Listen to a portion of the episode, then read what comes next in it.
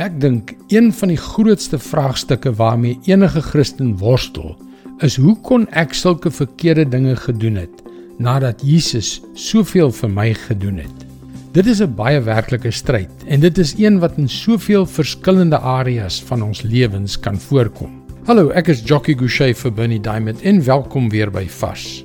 Ek weet nie van jou nie, maar ek het 'n passie om Jesus met elke asemteug te dien om hom te eer en te verheerlik met elke gedagte, woord en daad. Maar ten spyte van my goeie bedoelings maak ek foute. Ons doen dit almal. En weet jy, een van die situasies waarin jy hierdie fout dikwels sien gebeur, is wanneer mense skinder.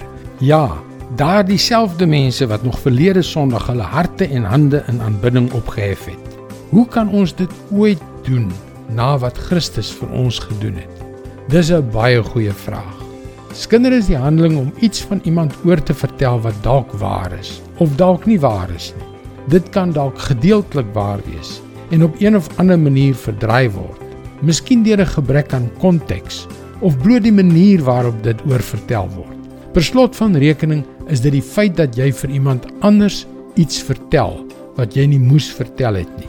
Spreuke 16 vers 28 sê: Iemand wat leuns verkoop sit rusie aan die gang. Iemand wat skinder bring verwydering tussen vriende. As jy daaroor nadink, besef jy dat skinder die werklike moontlikheid het, nee, die waarskynlikheid het om verhoudings te verbreek. Daarom is kinderpraatjies volgens God moeilikheidmakers.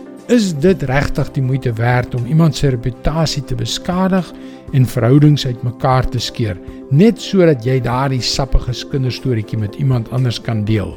Net sodat jy die ek weet iets wat jy nie weet nie speletjie kan speel. Skinder is nie skadeloos nie. Dit vernietig reputasies en verhoudings. Kan jy jouself voorstel hoe God agter jou rug kan skinder en vir die wêreld al die dinge vertel wat hy van jou weet? Moenie skinder nie sodat hy jou nie as 'n moeilikheidmaker bestempel nie. Dit is God se woord vars vir jou vandag.